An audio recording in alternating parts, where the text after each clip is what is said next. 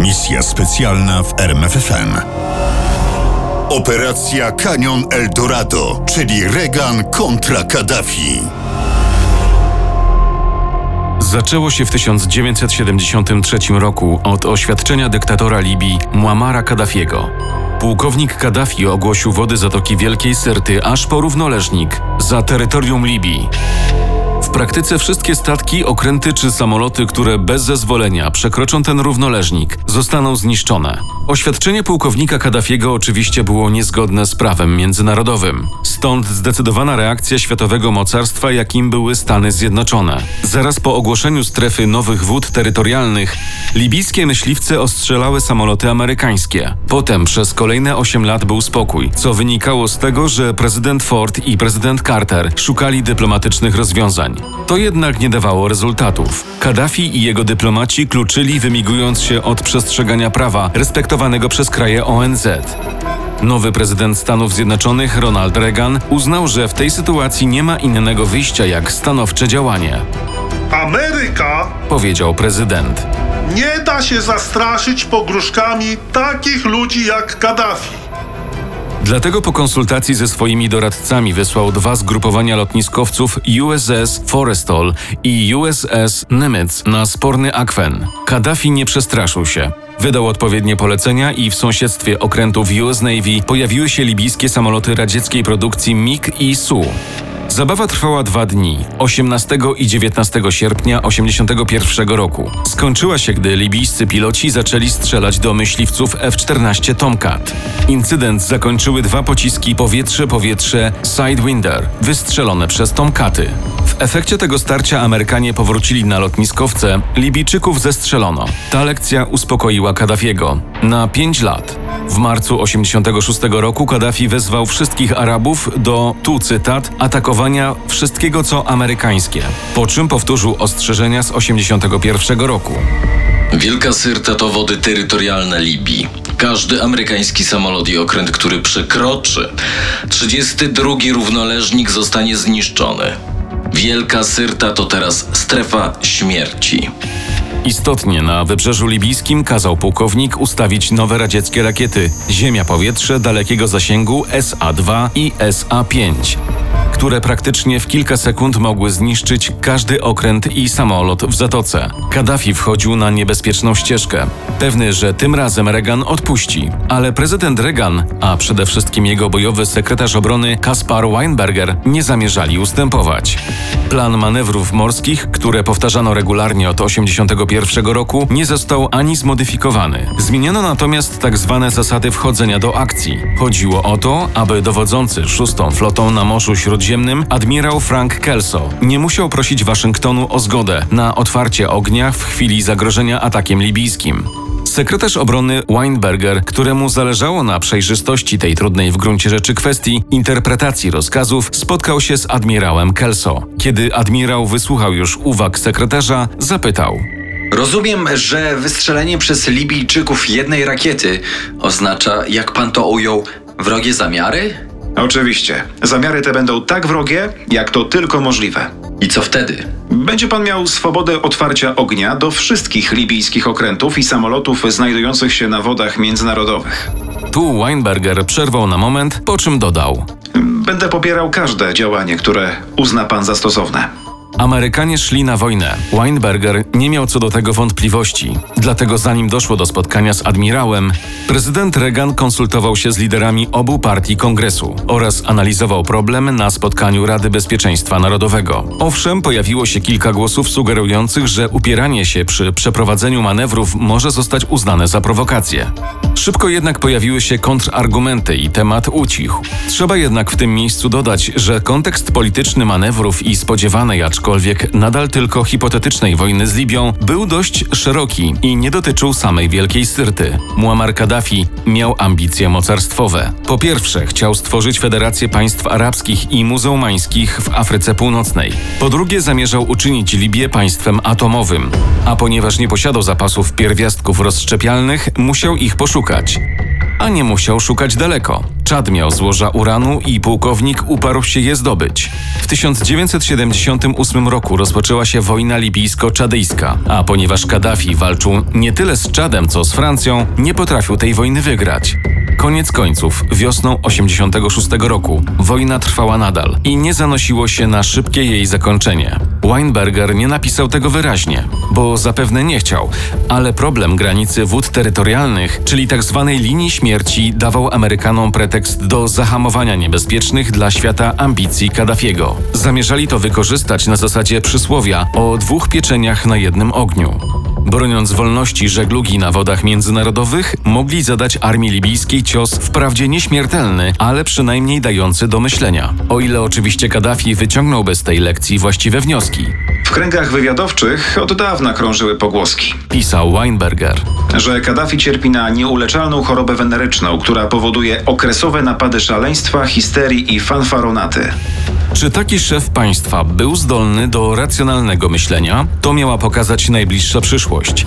A tymczasem była jeszcze jedna kwestia, której Amerykanie, a w zasadzie nawet ONZ, nie mogło zignorować. Nie było tajemnicą, że Libia wspiera terroryzm. 27 grudnia 1985 roku czterech arabskich terrorystów w Rzymie i trzech w Wiedniu otworzyło ogień z broni maszynowej i rzuciło granaty w tłum ludzi czekających na lot do Tel Awiwu. Zginęło 19 osób, a około 140 zostało rannych. Kaddafi był zachwycony.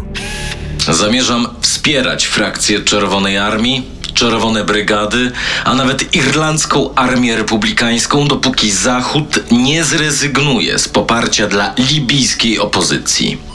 Ta wypowiedź tylko potwierdziła przekonanie analityków CIA, że Kaddafi wspierał terrorystów nie tylko w tym konkretnym przypadku.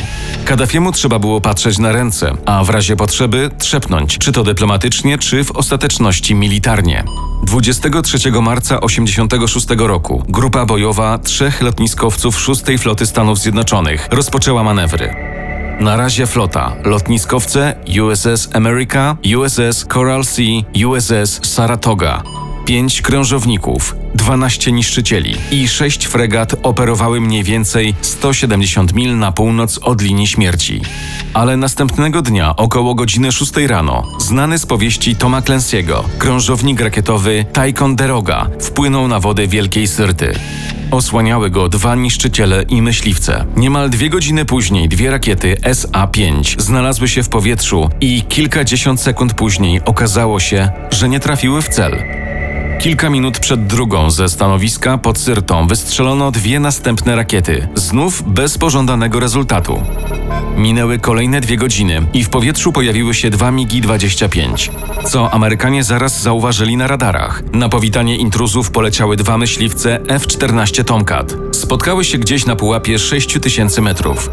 Libijczycy próbowali zająć pozycję do strzału, a Amerykanie skutecznie im się wymykali. A potem nastąpiła zmiana ról i to Amerykanie próbowali strzelać, ale migi zawróciły na południe i odleciały do bazy. Nie był to jeszcze koniec. Libijczycy nie ustępowali, choć obawiali się pełnej konfrontacji. Stracili przy tym stację radarową rakiet SA-5 i jedną korwetę. Od tej chwili Libijczycy zaprzestali wszelkich zagrażających nam działań i wycofali wszystkie jednostki morskie. Zapisał we wspomnieniach Weinberger. Reszta manewrów przebiegała w spokoju. Kaddafi przegrał, ale nie zamierzał przyznać się do porażki. To by podważyło jego dyktatorski autorytet. Lecz upokorzona duma kazała mu odpłacić Amerykanom. Nie mógł jednak pozwolić sobie na otwartą konfrontację, ponieważ to oznaczało porażkę, a kto wie, czy nie utratę władzy.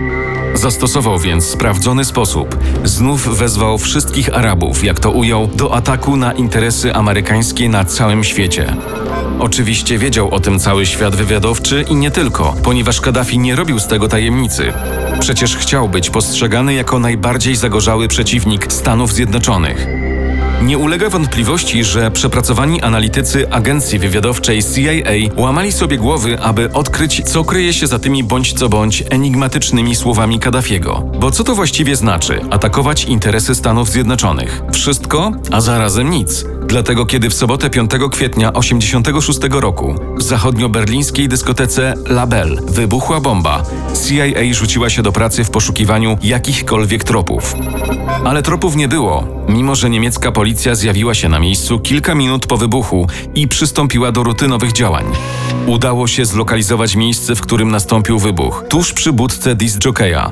Bez kłopotu ustalono, że zginęła Turczynka i sierżant armii amerykańskiej. Dwa miesiące później w wyniku odniesienia poważnych ran zmarł drugi amerykański sierżant. Co najmniej 230 osób, w tym ponad 50 amerykańskich żołnierzy, zostało rannych. Mijały godziny i dni, w końcu skończył się tydzień, a dowodów nadal nie było. Za to Amerykanie od razu podejrzewali, kto stoi za zamachem. Kaddafi. Czy mieli rację? Kłopot w tym, że zarówno zachodnio-niemiecka policja, jak i wywiady państw natowskich nie znalazły żadnych dowodów na zaangażowanie Libii. Amerykanom to nie przeszkadzało. Wiem, że zrobił to Kaddafi. Napisał Weinberger we wspomnieniach, dodając, że tą pewność dały administracji Reagana oceny wywiadu. Operację odwetową przygotowano w kilka dni. Nadano jej kryptonim Canyon Eldorado. Tak wysokie tempo przygotowań wynikało z faktu, że już po zamachach terrorystycznych na lotniska w Rzymie i Wiedniu Rada Bezpieczeństwa Narodowego dała zgodę na opracowanie planu uderzenia. Uzgodniliśmy z prezydentem, że będziemy stosowali reakcję zogniskowaną, żeby zminimalizować liczbę przypadkowych ofiar. Wytypowano pięć celów: koszary, z których Kaddafi kierował operacjami zagranicznymi, obóz szkoleniowy komandosów, międzynarodowy port lotniczy Mitiga, gdzie stały samoloty transportowe IU-76, magazyn części zapasowych MIGów i międzynarodowe lotnisko w Beninie, wykorzystywane jako baza myśliwców. Ale w pierwszej kolejności musiały zostać zlikwidowane libijskie radary. Tym miały się zająć samoloty floty śródziemnomorskiej. Natomiast główne uderzenie spadło na samoloty wielozadaniowe F-111 Aardvark i samoloty szturmowe A-6 Intruder. O ile Intrudery znajdowały się na lotniskowcach w pobliżu wybrzeża libijskiego, o tyle Aardvarki musiały dolecieć z Wielkiej Brytanii. Pani premier Margaret Thatcher oczywiście zgodziła się na wykorzystanie amerykańskich maszyn stacjonujących na terenie Wielkiej Brytanii. Natomiast prezydent Francji, Mitterrand, nie pozwolił na przelot Amerykanów nad terytorium Francji. Dlaczego odmówił? Mitterrandowi nie podobała się ograniczona do kilku celów akcja Amerykanów. Francuz oczekiwał poważnych działań, łącznie z odsunięciem Kaddafiego od władzy. Tymczasem do Mitterranda dołączyli prezydenci Włoch i Hiszpanii, co jeszcze bardziej skomplikowało operację. Odmowa trzech dużych krajów położonych na najkrótszej trasie z baz do celu wydłużyła przelot o 4900 km. Tak długi dystans wymagał czterokrotnego tankowania w powietrzu, w dodatku nocą i przy zachowaniu ciszy radiowej. O godzinie 19 14 kwietnia 86 roku 28 samolotów cystern wystartowało z dwóch baz RAF-u. Kilka minut później wystartowały 24 F-111. Ruszyła operacja Canyon Eldorado. Pierwsze tankowanie odbyło się w pobliżu wybrzeża francuskiego, później hiszpańskiego, a następnie na północ od Algierii. No i ostatni raz, tuż przed atakiem, na północ od Tunezji. O godzinie 1.54, a więc już po północy, 15 kwietnia samoloty poderwane z lotniskowców odpaliły rakiety, które poleciały w kierunku libijskich stacji radarowych. Sześć minut później do akcji weszły F-111. Przez 12 minut zrzucono 60 ton bomb. Zniszczono dwa samoloty IU-76, cztery migi, dwa helikoptery i magazyn części zamiennych myśliwców. Ale nie wszystko poszło gładko. Z dziewięciu F-111 atakujących koszary tylko trzy osiągnęły cel. Jeden F-111 został zestrzelony nad zatoką, inny zbombardował obiekty dyplomatyczne w Trypolisie. Los chciał, że bomby wybuchły w sąsiedztwie ambasady francuskiej. Libijczycy milczeli. Według doniesień niektórzy żołnierze Kaddafiego opuścili swoje pozycje w strachu i zamieszaniu. Ogień przeciwlotniczy rozpoczął się dopiero po przelocie samolotów nad celami. W ogóle nie poderwano myśliwców. Zanim minęła godzina, było już po wszystkim. Samoloty wróciły na lotniskowce, oczywiście oprócz F-111, które czekała bardzo długa droga do domu. Na konferencji prasowej, która odbyła się w Białym Domu kilka godzin później, padło pytanie: czy operacja się powiodła? Naszym celem Było przekonanie Kaddafiego, że koszty wspierania terroryzmu są wysokie. Czy Kaddafi zrozumiał tę lekcję? Nie. Odniosłem spektakularne zwycięstwo militarne nad Stanami Zjednoczonymi. Ogłosił dzień po nalocie. W tym wielkim dniu Oficjalnie zmieniam nazwę kraju na Wielką Arabską Libijską Jamahirię Ludowo-Socjalistyczną. Nowy imperialny status Libii zobowiązywał do spektakularnego działania. Najpierw w kierunku obsadzonej przez Amerykanów wyspy Lampeduzy. Poleciały trzy skudy. To było tylko działanie na pokaz, bo rakiety nie trafiły. Natomiast we wrześniu 86 roku samolot linii Pan American w Karachi, zanim samolot odbili komandosi, zginęło 20 osób. Pod koniec 1987 roku Francuzi zatrzymali statek przewożący 150 ton radzieckiej broni z Libii dla Irlandzkiej Armii Republikańskiej.